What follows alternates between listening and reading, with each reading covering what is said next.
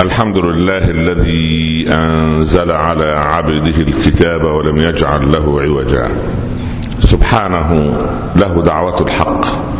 حرص عليها واوجب التبشير بها ولتكن منكم أمة يدعون إلى الخير ويأمرون بالمعروف وينهون عن المنكر وأولئك هم المفلحون وأشهد أن لا إله إلا الله وحده لا شريك له وضع الحجة وأتم المحجة ويأبى الله إلا أن يتم نوره ولو كره الكافرون وأشهد أن سيدنا وحبيبنا محمدا رسول الله بلغ الرسالة وأدى الأمانة ونصح الأمة وكشف الغمة وجاهد في الله حق جهاده حتى أتاه اليقين صلى اللهم عليه وعلى آله وأصحابه وأزواجه وأتباعه الذين آمنوا ولم يلبسوا إيمانهم بظلم أولئك لهم الأمن وهم مهتدون أما بعد أيها الإخوة المسلمون قد يضيق صدر واحد منا عندما يعظ ولده أو زوجته أو زميله أو تلميذه فلا يقبل الآخر النصيحة ولا الموعظة.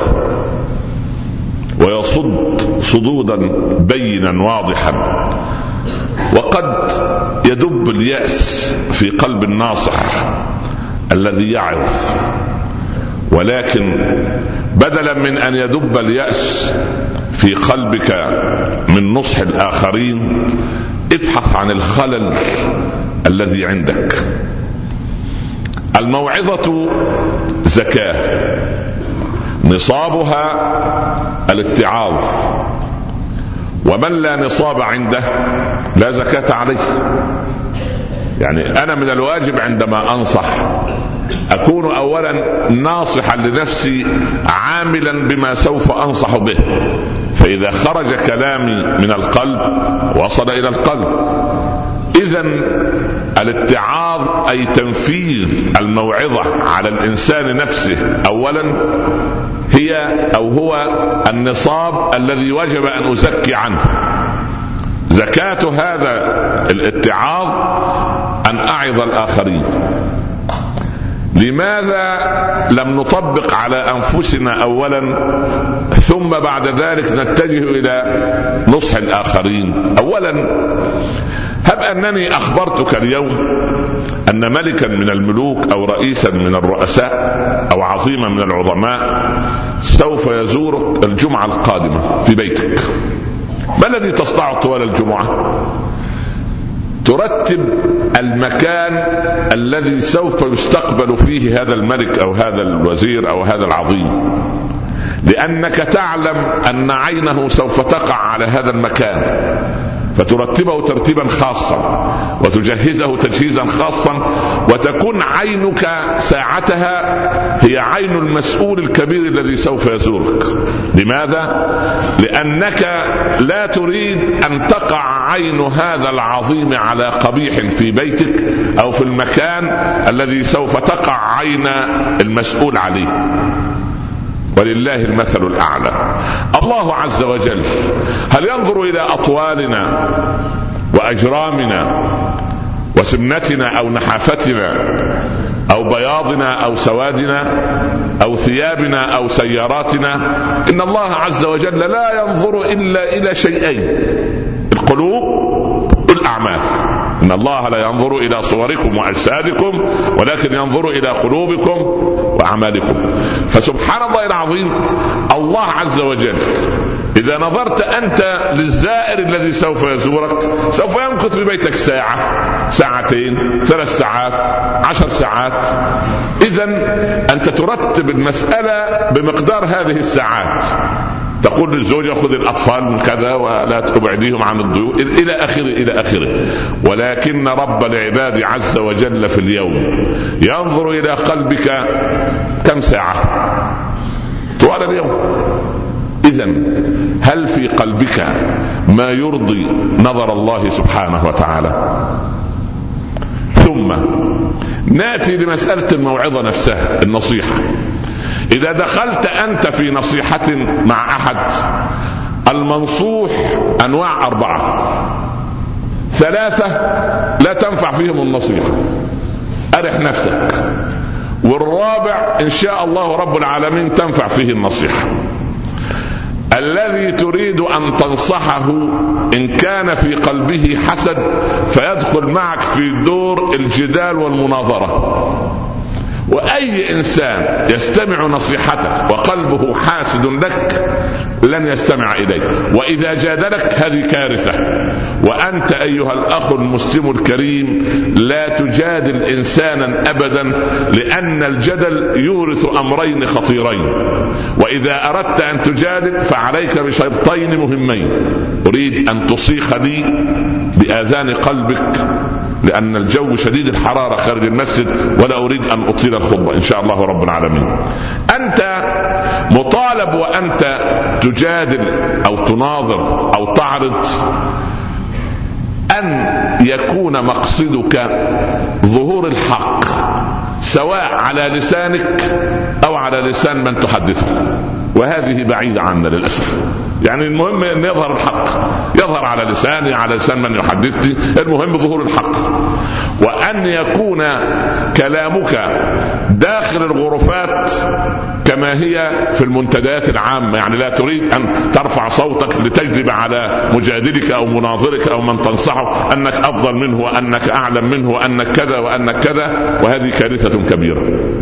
ثم المجادل أو المناظر الثاني اللي هو لا تم يعني ال- ال- الذي له حسد عنده حسد عليك هذه كارثة. الأمر الثاني أو المنصوح الثاني الذي لا داعي لأن تنصحه إنسان أحمق.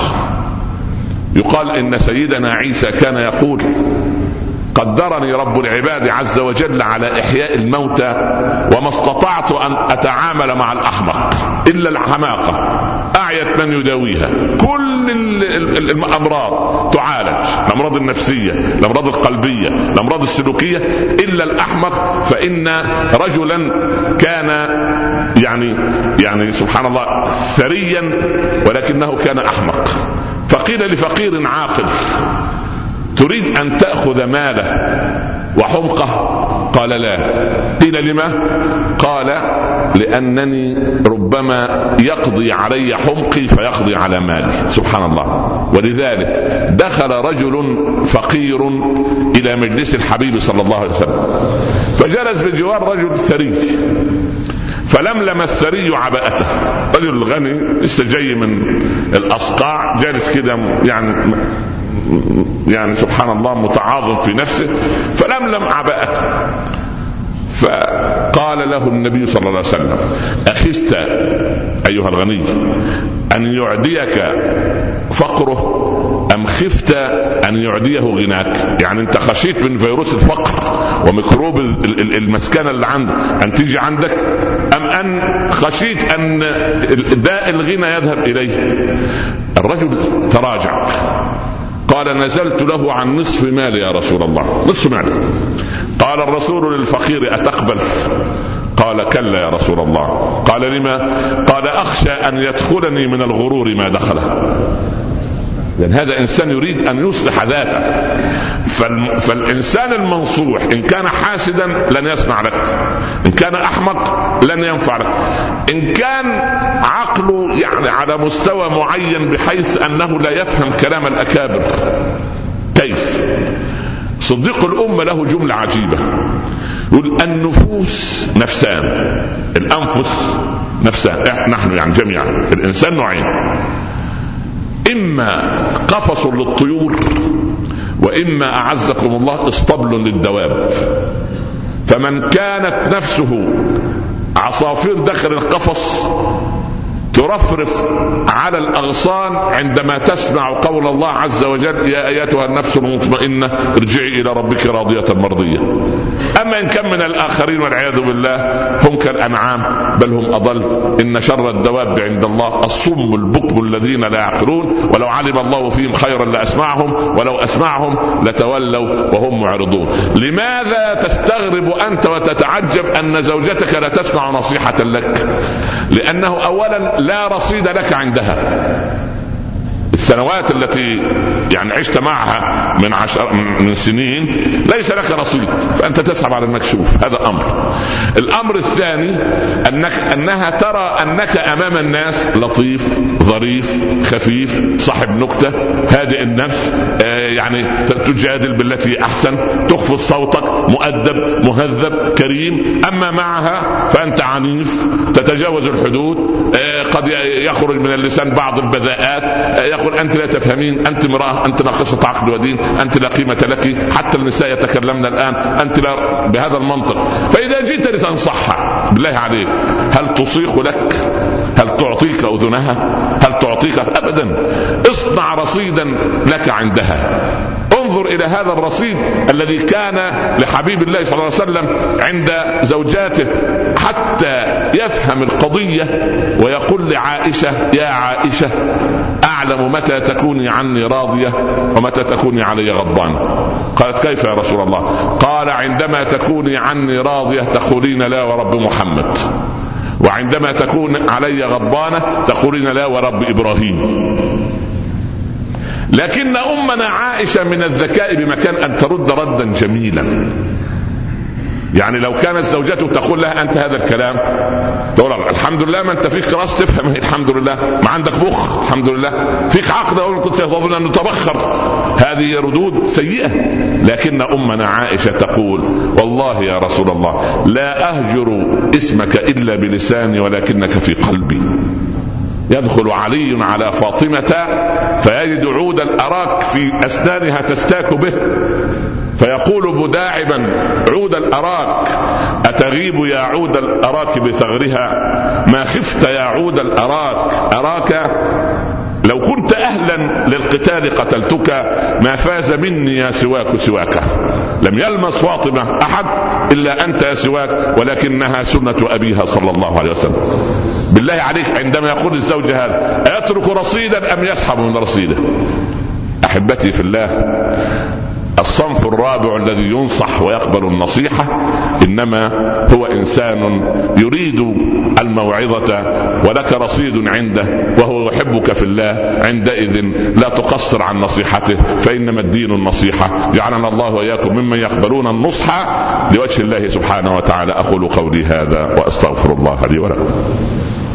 أحمد الله رب العالمين.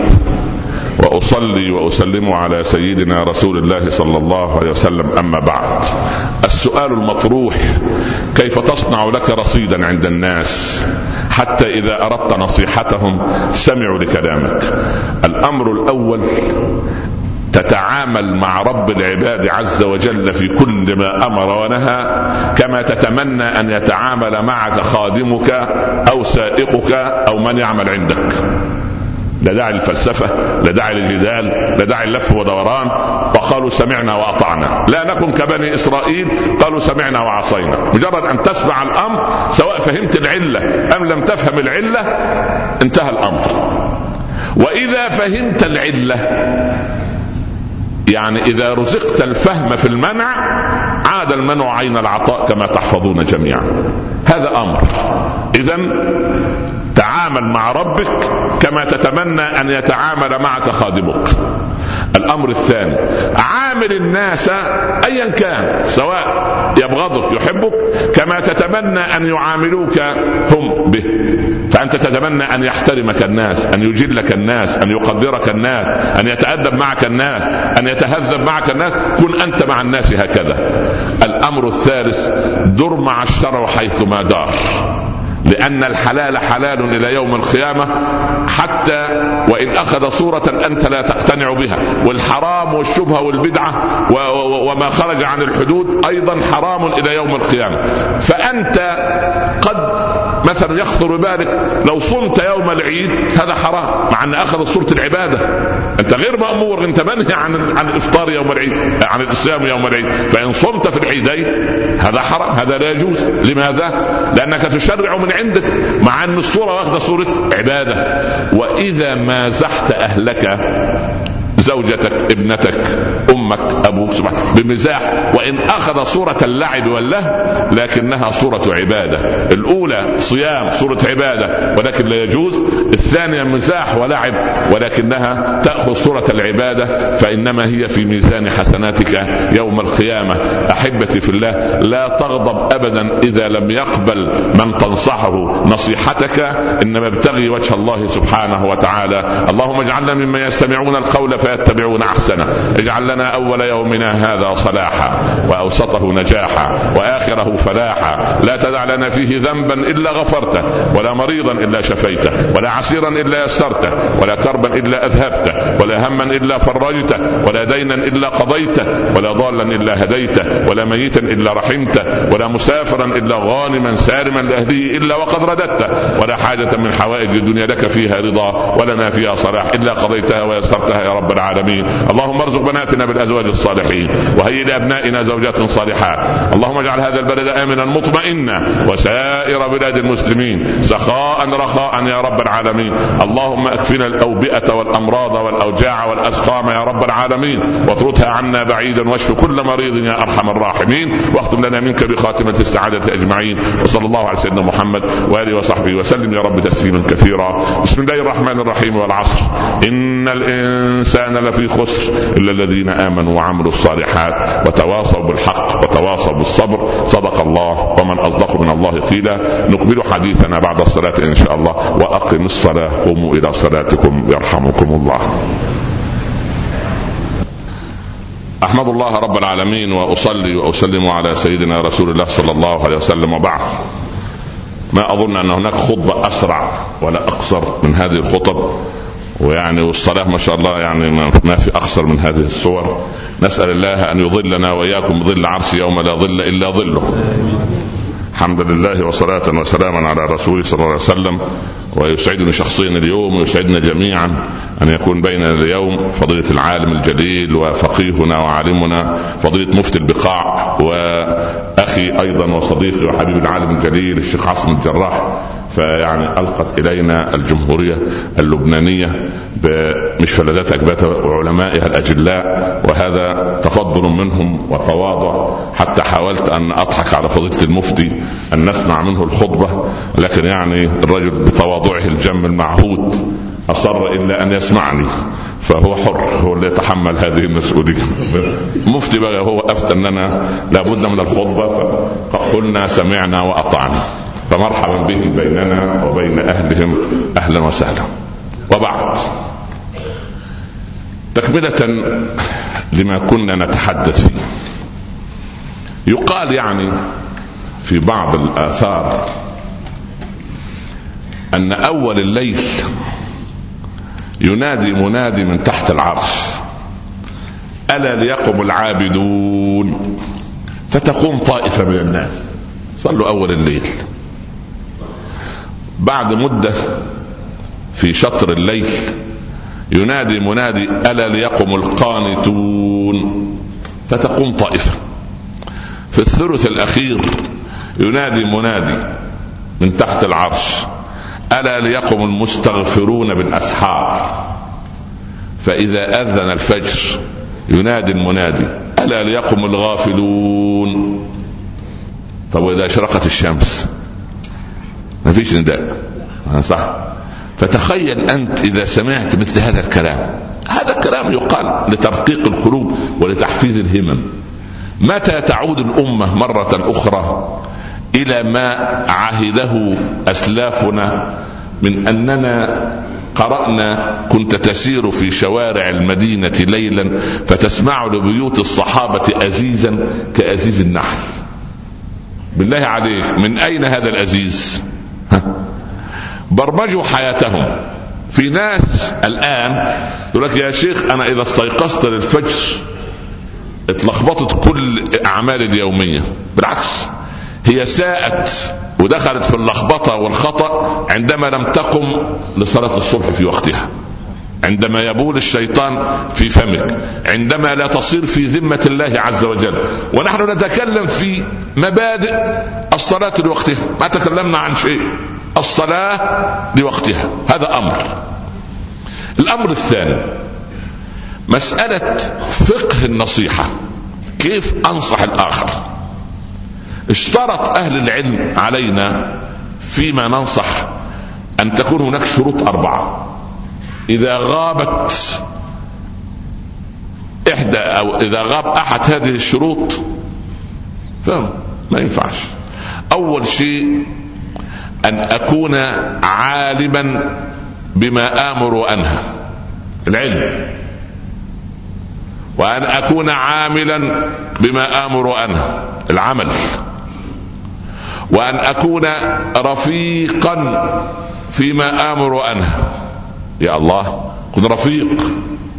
يكون عالم بما آمر عنه عامل بما آمر عنه رفيقا فيما آمر عنها ثم أعتبر أن النصيحة ثقيلة. فإذا أردنا أن نعطيها فلنعطيها بوجه طلق مبتسم. واحد صح من النوم رايح لابن سيرين لأنه رأى رؤيا قابل صديق له في الطريق من المتعالمين وما أكثرهم. على فين؟ قال له رايح لابن سيرين. قال له يبقى لئيم شفت رؤيا قال له أيوه. قال له ماذا رأيت؟ قال والله شفت كده خير اللهم اجعله خير أن أسناني وقعت كلها. قال له يا الله هتموت أنت وأهلك. من باب التفاؤل يعني. والله لازم التفاؤل يا أخي تموت أنت وأهلك. فالراجل يا عيني يعني استاء. فأكمل المسيرة لابن سيرين. قال ابن سيرين نعم. قال ابن سيرين رأيت في الرؤيا أن أسناني وقعت كلها. أتاري تأويل الرؤيا؟ من الرجل كان صحيح ولكن العرض كان سيء. قال ابن سيرين سوف تكون آخر أهلك موتا. انت ساكت غيظ مني ولا منصت ولا مش في خير. قال فيش أي رد في خير هو إحنا قاعدين في كندا ولا في إخواننا سبحان الله. أصل إخواننا هناك نروح والله. كنا نصحب شيوخنا العلماء واخويا الدكتور الشيخ عاصم ربنا يعزه في مؤتمرات وكده فلما نلاقي ناس كده اللي هو الوجه اللي هو مش عارف هو مبسوط منك. وهو زعلان هو واخد على خاطره. هو فاهم هو مش فاهم. فأنت تبقى محتار. أكمل أروح. السلام عليكم. يعني بهذا المنطق. وحد الله. لا إله إلا الله. أنا عارف الحر شديد يعني لغاية كده كويس. المهم فالإنسان عندما ينصح لابد قبل أن تنصح تبين جوانب الخير في المنصوح. تقول يا ما شاء الله عليك يا أخي. يا أخي وجهك مضيء كده شكلك كده لئيم بتصلي بالليل وانت وإحنا نايمين ما شاء الله عليك. هو يمكن ما عملهاش إلا مرة كان في عمرة ولقي كل الناس سهرانة قال يلا معاهم المرة وصلى مرة ف... يا أخي صفه بهذه الصفة. افتح بلاش دي. والله العباس رضي الله عنه كان يبدو أستاذ علم نفس وكان العربي بطبيعته وعندما يدخل الإسلام إلى قلبه كان اذكى الأذكياء. دخل على رسول الله صلى الله عليه وسلم يوم الفتح وقال يا رسول الله أبو سفيان ده يحب الفخر فاجعل له اليوم شيئا أعطيه. يعني دايما يا أخي لازم تعطي الناس شيء أعطيه شيئا. الرسول فهم القصة. مش يقول إيه ده؟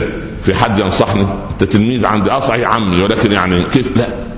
الرسول نفذ القضية. فنادى مناد من قبله.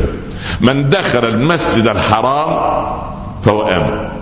ومن دخل داره فأغلق عليه بابه فهو آمن. ومن دخل دار أبي سفيان فهو آمن. أبو سفيان إيه؟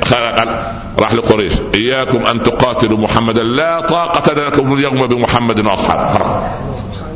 أعلن راية الاستسلام بإيه؟ بكلمة. بكلمة. وأنت ممكن تفتح قلوب قلوب بكلمة واحدة. وممكن والعياذ بالله تغلق قلوب بكلمة. وإحنا للأسف عندنا زهيمر في حسنات بعضنا مع بعض وأساتذة علم الذاكرة في سيئاتنا بعضنا مع بعض بدليل أن الزوجة بعد 30 سنة خير يا أم فلان عمرك ما شفت مني يوم خير ابدا يا سيدنا الشيخ ولا لحظة واحدة ولا حد ولا ابتسم مرة ابدا ما يعرفهاش ابتسامة لا حول ولا ليه؟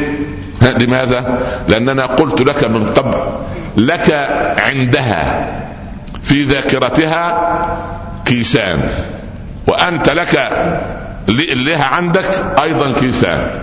كيس مثقوب وكيس مصمت غير مثقوب الكيس المخروم المثقوب تضع لك فيك فيه, فيه تضع لك فيه زوجتك كل حسناتك. الكيس المخروم. بعد 30 سنة دي كم حسنة عندها؟ أول باول أول باول ما فيش. رصيدك زيرو. صح ولا لا؟ رصيدك صفر. وفي الكيس الآخر أه؟ تضع لك كل إيه؟ كل سيئات. فأنت إيه عندها؟ ملياردير سيئات. في زمن الأزمة الاقتصادية. حالة المليونية الوحيدة اللي عندك هي حالة السيئة. فلما تيجي تخرج لك من الملف ما شاء الله ملفاتك لا قوة إلا بالله. وأنت بنفس الطريقة تقابلها بالإيه؟ نفسها لكن الأعرابي قال لزوجته ولا تنقريني نقرق الدف ما فيش داعي كل شوية تنغص عليه تقول أمك أبوك كذا كذا كذا. لا, لا داعي لأن الإنسان إيه؟ يعني في مرحلة التفاضل نتفاضل وفي مرحلة الفضل نتحرك هنا تسكن الأمور. فأولا النصيحة يجب أن أكون رفيقا فيها. ما فيش مسلم في مشرق الأرض ولا مغربها إلا ما هو حافظ قصة إيه؟ الحسن والحسين لما وجدوا الرجل كبير السن إيه؟ يتوضأ. ما شاء الله كلنا حافظين. طب كلنا نطبق؟ ده في ناس يدخلوا المسجد عينيهم على النقص. ثوبك طويل يا أبو خليفة. مم. لا حول ولا قوة إلا بالله. أنت مقصر يا فلان هو أنت لجنة التفتيش الدولة على الأسلحة الذرية. أنت ما في. إيه؟ يا أخي ادخل سدده وقاربه لا داعي لأن تنظر إلى العيوب. يا سبحان الله. لا ت... قالوا إن عبد الله بن عمر كذا وكذا. حفصة تصف في أخيها. قال نعم العبد عبد الله بن عمر. لو قام من الليل قليلا يا سلام لو لو يكمل الجميل جميله ها وإيه وسبحان الله يعني يكمل ويصلي بالليل فخلى كل صفاته حسنة ولكن ينقص إيه؟ مش ننظر إلى النقائص. أحبتي في الله إذا أردنا أن ننصح فوجب علينا الرفق في النصيحة. دي رقم واحد. رقم اثنين أنصح وأنا محب ولا أنصح وأنا كاره. نمرة ثلاثة أنصح وأنا متواضع ولا أنصح وأنا متكبر. مش معنى إن ربنا رزق فلان النقاب هي تفخر على المحجبة والمحجبة تفخر على العارية؟ لا. مش ربنا أكرمك بمحافظة على الصلوات الخمس وبعدين يا أخي والله ابدا كبرك في داخلك هذا خطر. الكبر اللي في الداخل دي مصيبة. شوف الله من كرمه وضع لنا المنهج في القرآن. ورأينا الخليل كيف دعا أباه. شوف يا أخي ده منهج دعوة منهج نصيحة.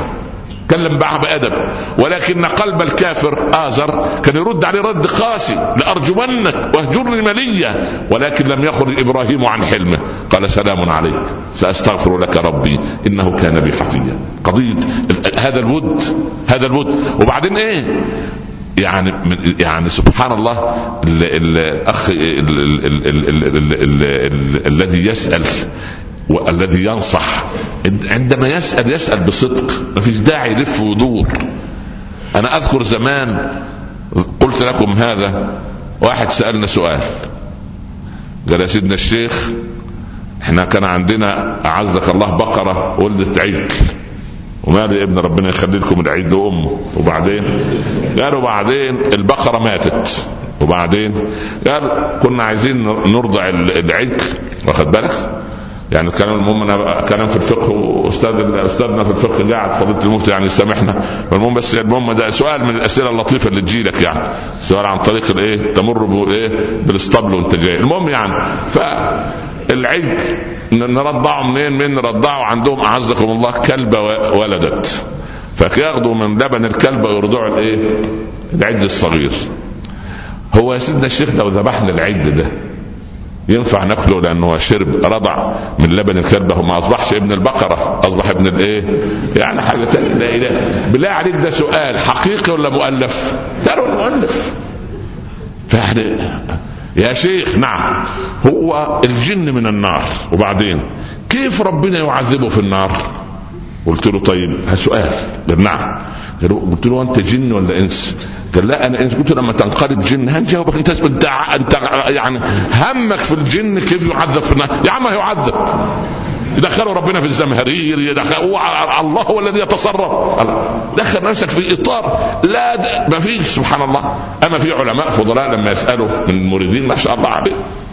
ارسل معنا أخانا نكتل. سيدنا الشيخ نعم. مين أخانا نكتل ده؟ والله ما أعرفوش. وعمري ما شفت واحد اسمه أخانا نكتل. يا ابني هذا هذا فعل طبعا. لكن هو خطر ببال. لازم يسأل. وجه الشيخ يعني مدر الأسئلة. هو هو هكذا. نسأل الله السلامة. ما علينا. أريد أن أقول لا تغضب إذا لم يأخذ المنصوح نصيحتك. يعني يعني وفق الإيه؟ يعني المحبة ولا تقدم له الرفق قدم له اللين قدم له ال ال الود قدم له التواضع. ادعو له أنه يقبل الإيه؟ يقبل النصيحة. يعني أنا أدرك أن اليوم شديد الحرارة ولكن إن شاء الله ربنا نعوضها بإذن الله في حلقة اليوم في الشارقه بإذن الله ونلقاكم إن شاء الله الجمعة القادمة لأن أساتذتنا الفضلاء على سفر وأنا أريد يعني أن إيه أراهم قليلا. جزاكم الله كل خير وبارك الله فيكم. أنا صفحتكم جميعا وسلمت عليكم جميعا. واليوم شديد الحر عليكم. يعني بعد ما تصلوا السنة انصرفوا مغفورا لكم إن شاء الله. والسلام عليكم ورحمة الله.